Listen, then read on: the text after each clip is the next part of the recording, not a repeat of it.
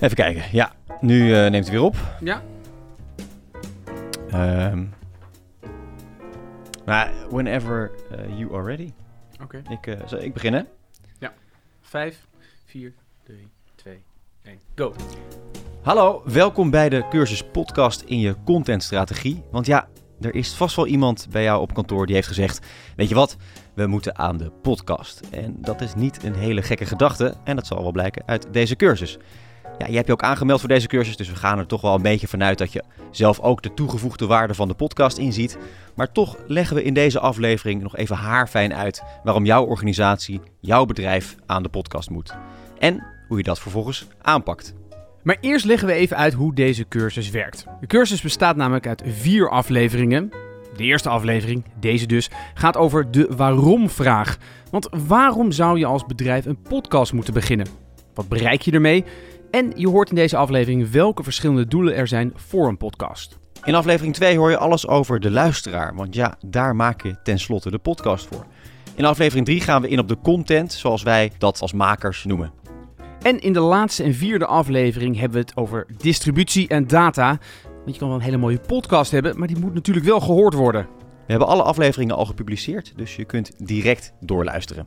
Lekker bintje, eh, zoals we dat eh, met Netflix noemen. Althans, eh, dat heb ik van horen zeggen, want ik heb zelf geen Netflix. Heb je geen Netflix? Hoe kun je dan leven? Nou, gewoon blijven ademen, Koos. Ah. Gewoon ademen. Anyway, podcasts kun je natuurlijk luisteren wanneer jij dat wil. Dat is het mooie eraan. Het is online en on demand. Ook kun je alles, nou ja, bijna alles teruglezen in het e-book dat je hebt ontvangen. Wat wil je nog meer?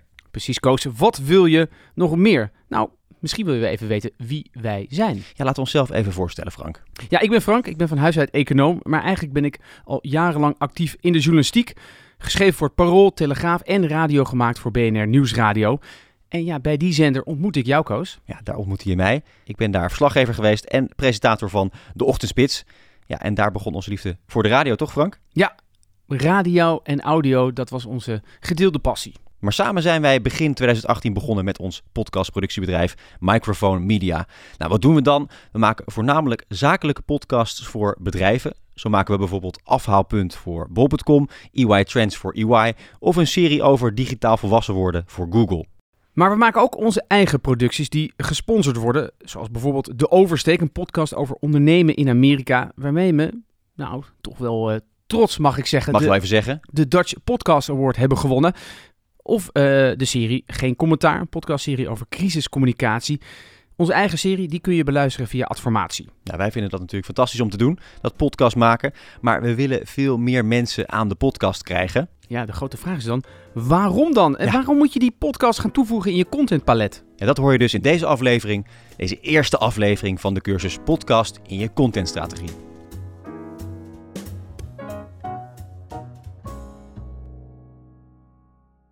Waarom podcasts in je contentstrategie? Ja, wij geloven dat een goede strategie bestaat uit drie pijlers: tekst, video en podcast, oftewel audio. Bij elk verhaal, bij elke connectie die je wil maken met je doelgroep, moet je jezelf afvragen: welk middel zet ik in?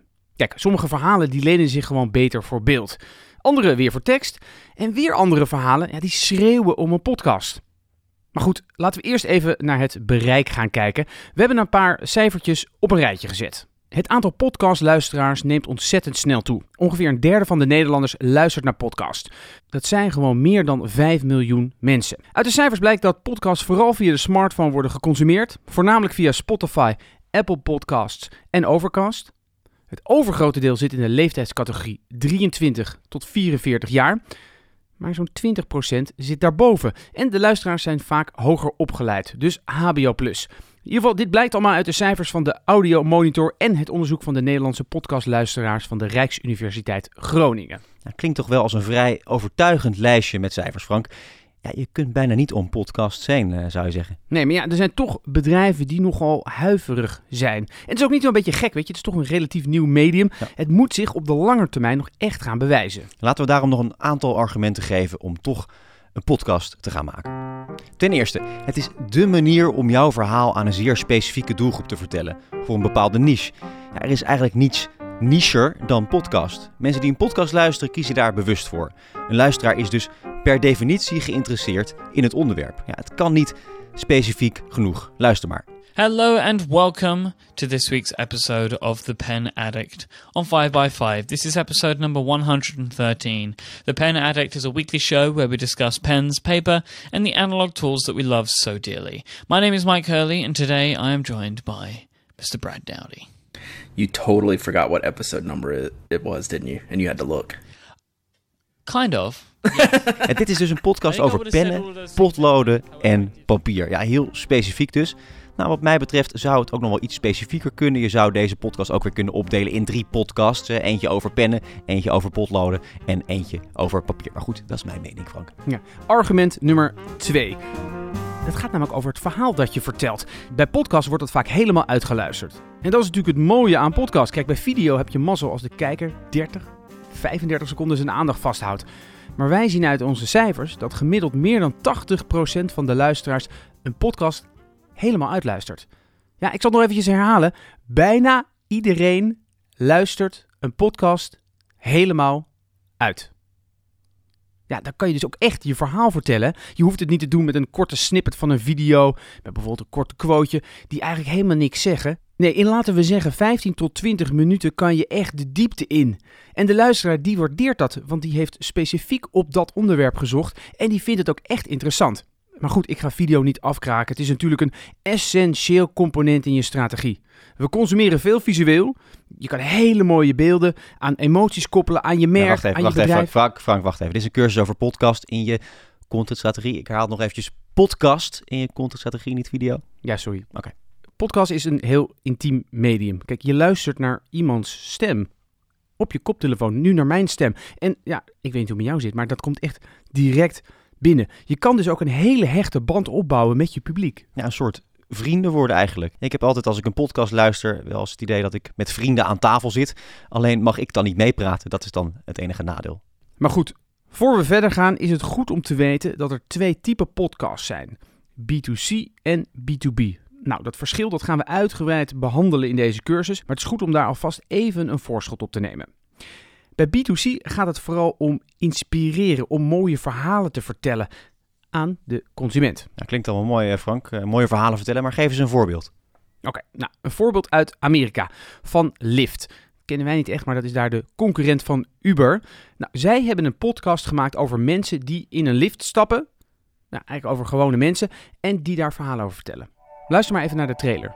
I'm Mariah Smith, and this is Pick Me Up, a new podcast from Lyft and Gimlet Creative, all about people who are driving towards something big, both on and off the road.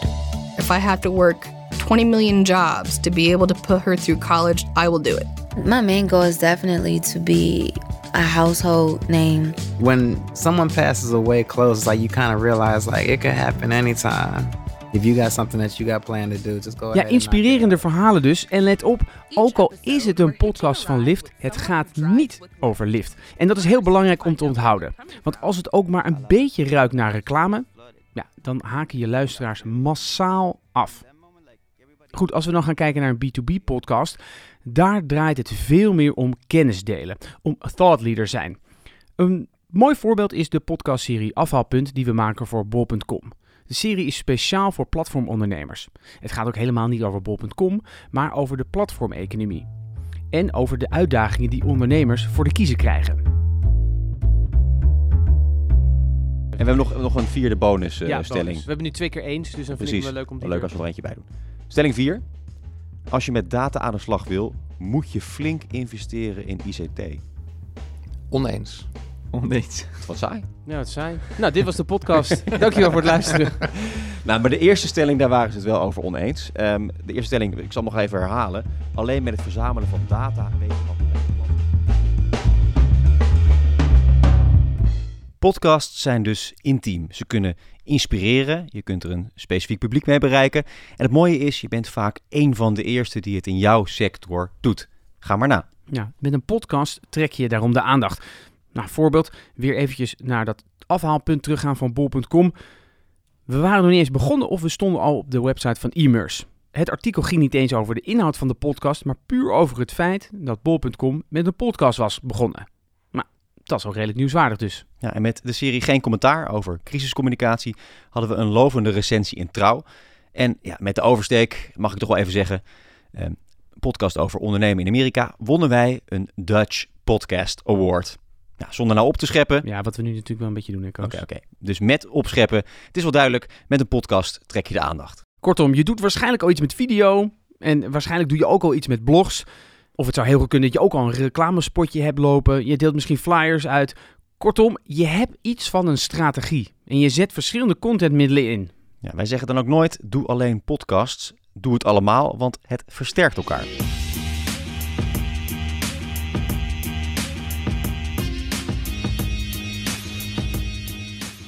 Maar wat kun je nou bereiken met podcasts als contentmiddel voor jouw bedrijf? Welke doelstellingen kun je formuleren? Ja, het is natuurlijk allemaal leuk en aardig, zo'n podcast. Maar wat levert het nou op? Want de podcast maken kost nou eenmaal tijd. Eh, en tijd is geld. Maar de basisvraag is: wat levert het me op? Nou, daarom laten we wat voorbeelden horen. Je kan ook direct horen hoe podcasts met verschillende doelstellingen verschillend kunnen klinken. Waar je als bedrijf misschien als eerste aan denkt, is lead generation, het aantrekken van nieuwe klanten. Tja, daar moeten we toch heel eerlijk over zijn. Podcast is een duurzaam middel. Je moet dus niet de illusie hebben dat je na twee podcasts al een nieuwe klant binnenhaalt. Ja, zo werkt dat niet. Dan kun je beter een reclamespotje op de radio doen. Dat heeft een kort maar krachtig effect. Een podcast is meer een methode van de long tail. Je creëert fans die jouw organisatie als expert gaan zien of daar gewoon een goed gevoel bij krijgen. En misschien is je doel helemaal niet lead generation, maar juist brandbuilding. Je wil een love brand worden. Jij wil mensen met bijzondere verhalen kunnen inspireren of ontroeren, zodat de luisteraar een positieve associatie krijgt bij jouw merk. Maar even terug naar dat expert zijn. Dat past helemaal in de gedachte van thought leadership. Het is een beetje een marketingterm, maar het is wel treffend. Dat betekent dat de luisteraar, door naar jouw podcast te luisteren, gaat denken: kijk, die mensen die hebben er echt verstand van. Expert X van bedrijf Y, dat is een goeie. Zo werkt dat bijvoorbeeld ook in de podcastserie De Oversteek. Het gaat over ondernemen in Amerika met als doelgroep ondernemers. En de podcast die werd gesponsord door Rabobank, Baker McKenzie en RSM. En als het over bankzaken ging, dan hoorde je iemand van de Rabobank. Er is juridisch gezien niks dat in de weg staat voor een Amerikaanse bank om, om een bankrekening te openen voor een buitenlands bedrijf. Als het over juridische zaken ging, dan hoorde je iemand van Baker McKenzie. Om die redenen mag je iemand uh, niet discrimineren bij ontslag. En nou zullen de meeste luisteraars dat ook niet van plan zijn, maar dat betekent niet dat je daar niet van beschuldigd kan worden. En als het over belastingen ging, dan hoorde je iemand van RSM. Stel dus dat je niemand in New York zou hebben, maar je hebt wel daar je bedrijf gevestigd. Ja. Want dat is bijvoorbeeld zo'n Delaware BV.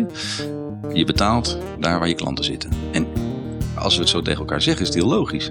Maar je moet wel bijhouden ja, wie waar vandaan komt. Dat is het probleem, ja.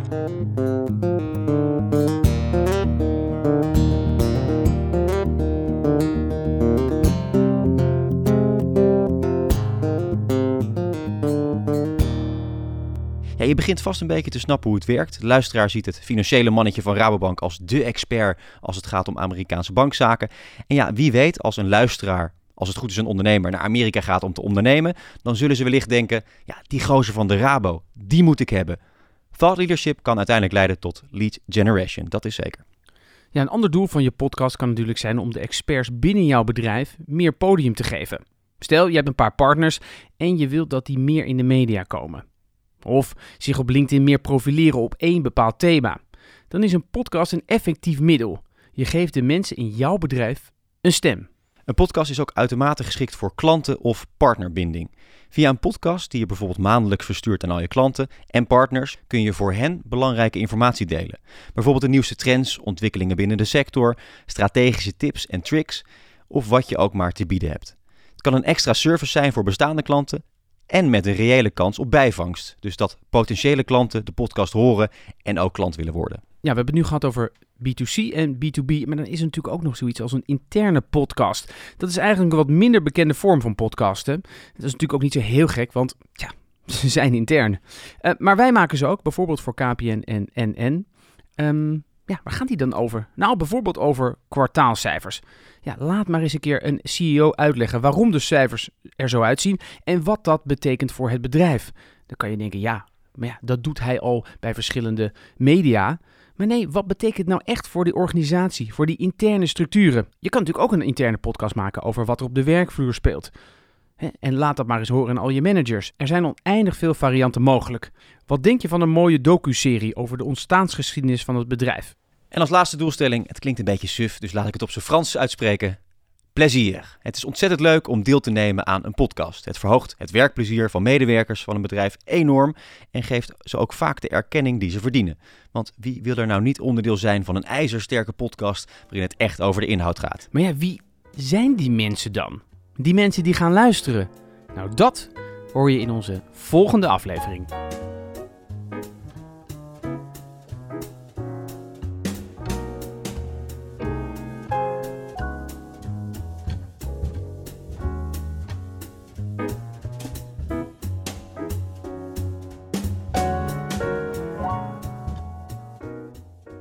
Fantastisch. Bravo, bravo! We rammen er echt doorheen. We zitten echt in 10 minuten hebben we doorheen geramd, hè, de eerste aflevering. Ja, wat vind je het vierde wat? Ja, het is zo levendig. Klinkt het een beetje? Ja, echt, ik vind het briljant. ja, serieus. Dat, dat, is, dat, dat is de lol van het luisteren naar een podcast. Dat heb je ook met Joe Rogan.